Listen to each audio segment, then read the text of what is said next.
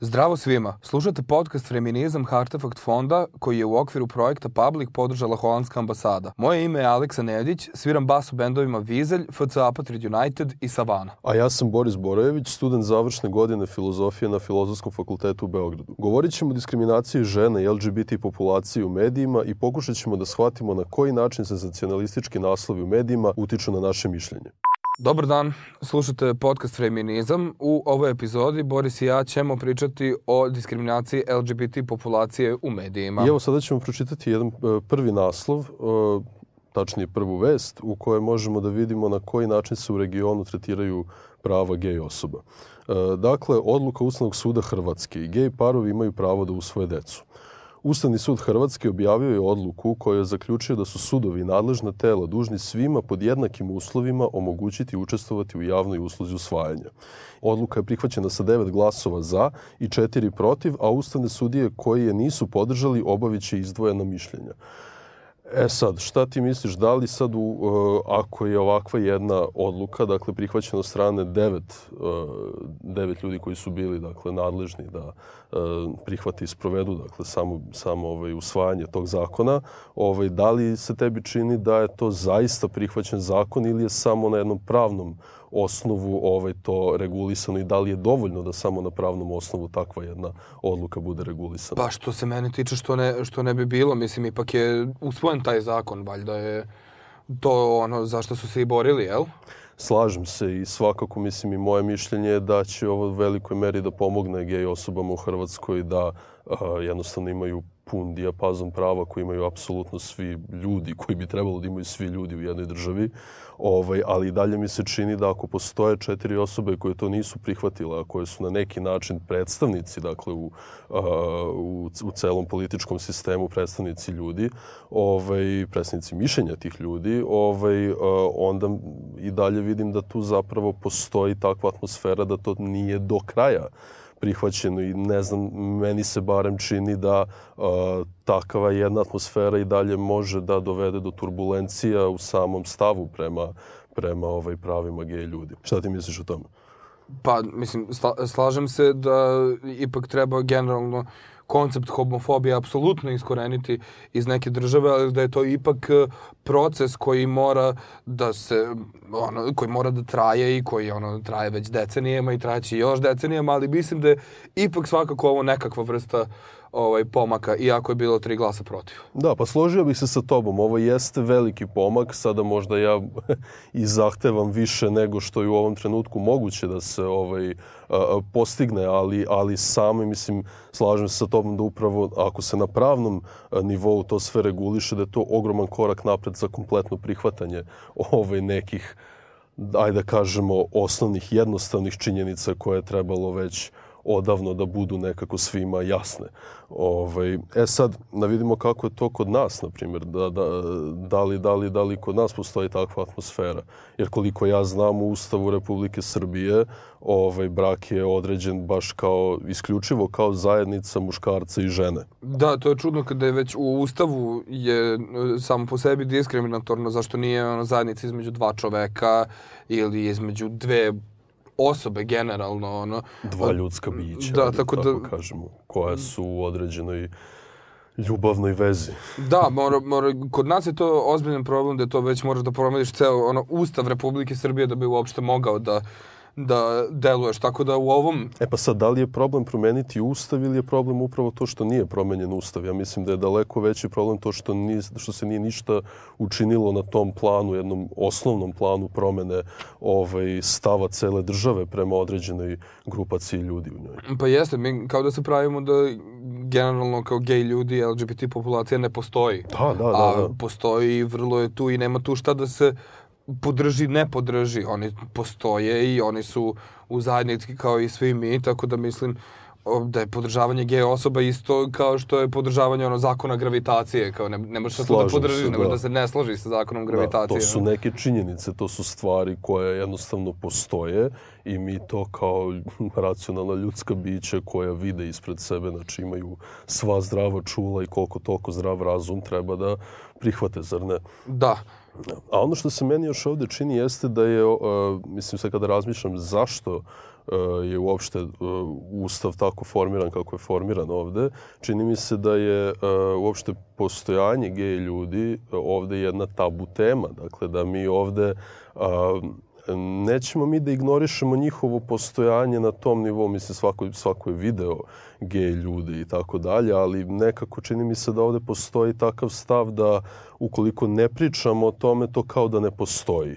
I onda ako ne pričamo o tome, onda evo nećemo ni u Ustavu naravno to da pominjemo i stav cele države upravo jeste da je to stvar o kojoj jednostavno ne treba dalje da se raspravlja. Pa meni nikada nije zapravo bilo jasno zašto gej ljudi nemaju pravo da usvoje decu, imaju želje, ako imaju jel, želje i mogućnosti da toj deci pruže život van doma i sve zašto, gde, koji je glavni zapravo argument zašto oni ne mogu to da urade? To mi nikad nije bilo jasno. Ono. Pa ja mislim da je osnovni razlog pre svega taj generalni stav da gej veza nije normalna vrsta ljudskog, međuljudskog odnosa. A ono što je meni tu najveći problem jeste upravo to da će ljudi ovde, mislim, koji su nadležni za to, da pre ostave decu da nemaju roditelje, znači ostavit će decu bez roditelja, pre nego da dopuste ljudima koji dakle mogu i koji želi i koji bi voleli da, da, da, da se brinu o tom detetu, da ga usvoji, da mu pruže jednu dakle, normalnu, normalnu životnu situaciju, a pre svega i budućnost. Slažem se, ovaj, time bi mogli i da pređemo na drugu vest koja glasi prvi istopolni brak u Severnoj Irskoj. U Severnoj Irskoj venčao se par žena, što je prvi istopolni brak u toj zemlji nakon što je u ponedjeljak stupio na snagu zakon koji reguliše to pitanje. E sad, oni su legalizovali gej brakove i sada po prvi put vidimo na delu kako to izgleda kada se uzme, uzmu dve žene. Šta ti misliš o tome? Da li je to napredak na neki način? Da li je to uopšte, da li je to mali napredak, da li je veliki, da li uopšte, da li je to trebalo da se desi još ranije? E, pa pošto sam čitao istu vest, meni je ovde najzanimljiviji zapravo bio ovaj deo gde uh, ova Robin Peoples i njena sada žena, ovaj, Šarni Edwards, kažu da su se dugo borili za priliku da ih posmatraju kao jednaki, da su sada ovde i da im je to neverovatno. E sad baš kada me pitaš da li je to napredak i tako dalje, ovaj, meni se čini da upravo ovaj njihov stav kada kažu da im je to neverovatno, znači da, ok, složit ćemo se da postoji mali napredak, ali taj napredak otprilike mora da se gleda ja, možda na trojakom nivou. Prvo, ajde da kažemo, neki napredak u odnosu na ovo što mi imamo ovde, drugo napredak u odnosu na samu Irsku i to šta se tu dešavalo i napredak u odnosu na sam jedan civilizacijski aspekt. Tako da što se tiče uh, toga da li je Severna Irska naprednija od nas u ovom slučaju, slažem se svakako da jeste. Da li je Severna Irska naprednija u odnosu na ono kako je bilo ovaj, ranije u Severnoj Irskoj, slažem se da je tu postoji napredak. E sad, da li on veliki ili mali, ja bih to onda više odredio preko ovog jednog opšteg civilizacijskog napredka. To je pitanje o tome, čini mi se da, s obzirom na to da je 2020. godina, ne bih baš mogao da kažem da je to veliki napredak, s obzirom na to da gej ljudi postoje od kad je sveta i veka. Ovaj, tako da, ako nam je trebalo toliko godina da to prihvatimo, ne bih rekao da je veliki napredak, mada opet neću osporavati da je to veliki korak napred. Pa dobro, znači, mislim, slažem se, generalno će biti zapravo napredak kada mi to prihvatimo kao neku svakodnevnicu, jel? Pa, slažem se i mislim, opet, ono što si ti rekao, kako bi mi to da prihvatimo, mi dalje to ne možemo da postavljamo pitanje o da li neko prihvate ili ne prihvata stvari koje su očigledne i koje su prirodni, da li smo mi upravo ti koji mogu da budu arbitri po tom pitanju da li je nešto prirodno ili neprirodno, što meni predstavlja, ajde, možda ću da ode malo predaleko, ali u samoj nauci i tako dalje e, predstavlja jednu e, svojevrsnu aroganciju ljudskog roda u celini da uh, određuje sam šta bi bilo prirodno, a šta bi bilo neprirodno, a pogotovo u ovom slučaju. Pa slažem se, generalno gej zajednice ne treba da se odvajaju od straight zajednica, gej zajednice ne treba da budu nikakav izuzetak, jel? Da, da po mom mišljenju, apsolutno. E sad možemo da pređemo i na treću vest koja nam je ovde bila interesantna, to je, kaže sledeće, uh, homoseksualnost nije bolest, pod znacima navoda. Nemačka korak bliže zabrani gej terapije konverzije. Sad, meni je ovde jako interesantan samo ovaj naslov. Dakle, imamo, znači, na samom početku stav da homoseksualnost nije bolest, ali pod znacima navoda, što sad za onoga ko to čita i tako dalje, mislim, ono, koliko, koliko, koliko prvi put pristupa ovoj vesti na bilo koji način, ovaj, nekako i dalje se čini da je to nekako diskutabilno. Znaš, da li, znaš, ovde se, da, o, o, ovde se ostavlja čitavacima da prosude sami da li homoseksualnost nije e, bolest, bar se meni tako čini, ne znam, ovaj, da li ti deliš isto mišljenje? Pa, slažem se, nekako, nekako, uh, opet, dakle, kao što smo već E, spomenuli to bi, e, prihvatanje LGBT populacije treba da bude neka svakodnevnica zato što jel opet ponavljam postoje ovaj op, kad se tako neki naslov kad je tako neki naslov otvoren za interpretaciju to ne može biti dobro.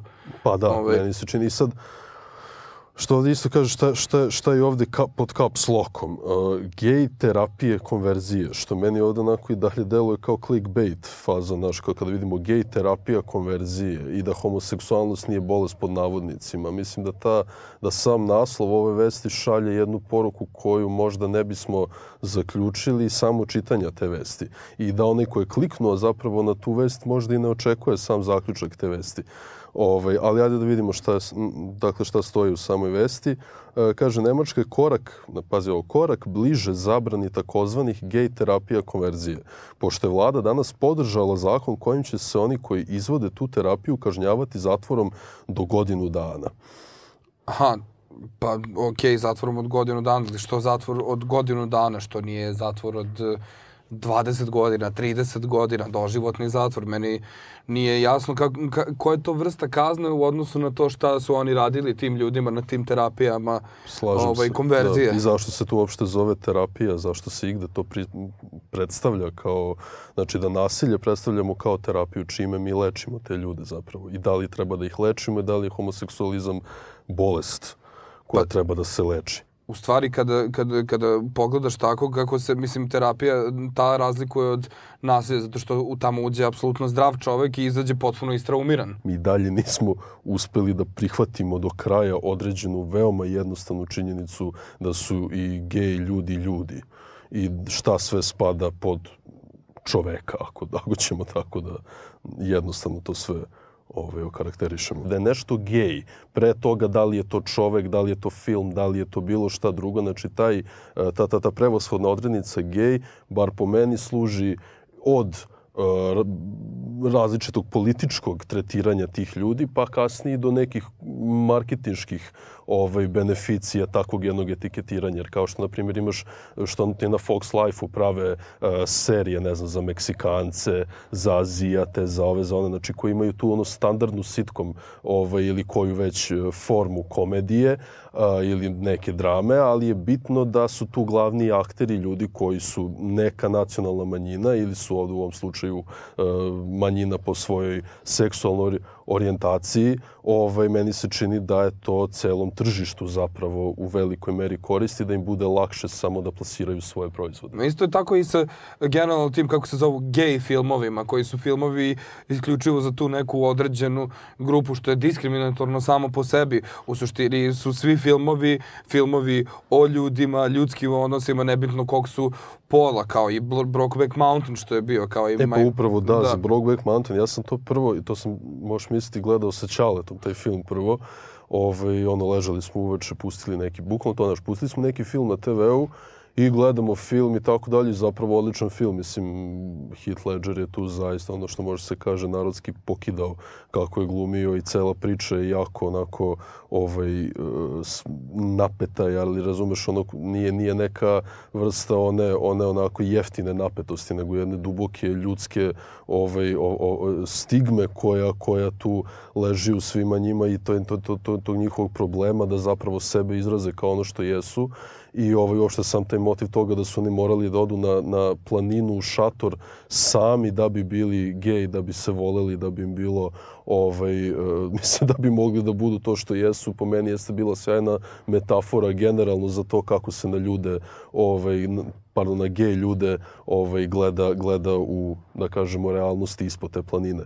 Ovaj, a i što je zanimljivo, ja sam prvo gledao to, taj film kao film, kao bilo koji drugi film, ali sam onda tek posle saznao da je to kultni gej film. Ok, razumem zbog tih scena i svega, ali se to i dalje e, forsira kao gej film. Znači, ne kao film, jedan jako dobar umetnički poduhvat, ovaj, nego kao jedna, jedan film e, usko, usko fokusira na to da ga gejevi gledaju. Jesam ja gej što sam gledao Brokeback Mountain? Ne bih rekao da jesam. I ono što je jako interesantno u Brokeback Mountainu takođe jeste način na koji su zapravo oni bili prikazani, jer oni su ti kao mačo muškarci koji su nekako direktni reprezenti svih tih, onako da kažemo, pravih muških vrednosti, koji opet imaju tu svoju strašnu tajnu. Znači, onaj ko predstavlja pravog muškarca, za njega je strašna tajna to ako on voli druge muškarce. Da se čovjek tu zapita zašto je on manje muškarac ako voli druge muškarce. So, mislim, možete da, ako ćemo da vidimo šta se sve, mislim, ako ćemo bacimo pogled na prošlost i na to kako se na to gledalo u Antičkoj Grčkoj i koliko je to bilo prihvaćeno kao jedna naj najosnovnija dru, šta više društvena norma, ovaj, možemo da kažemo da smo nos, dosta nazadovali od uh, vremena pre Hrista. Borise, hvala ti. Hvala tebi i hvala svima koji ste nas slušali.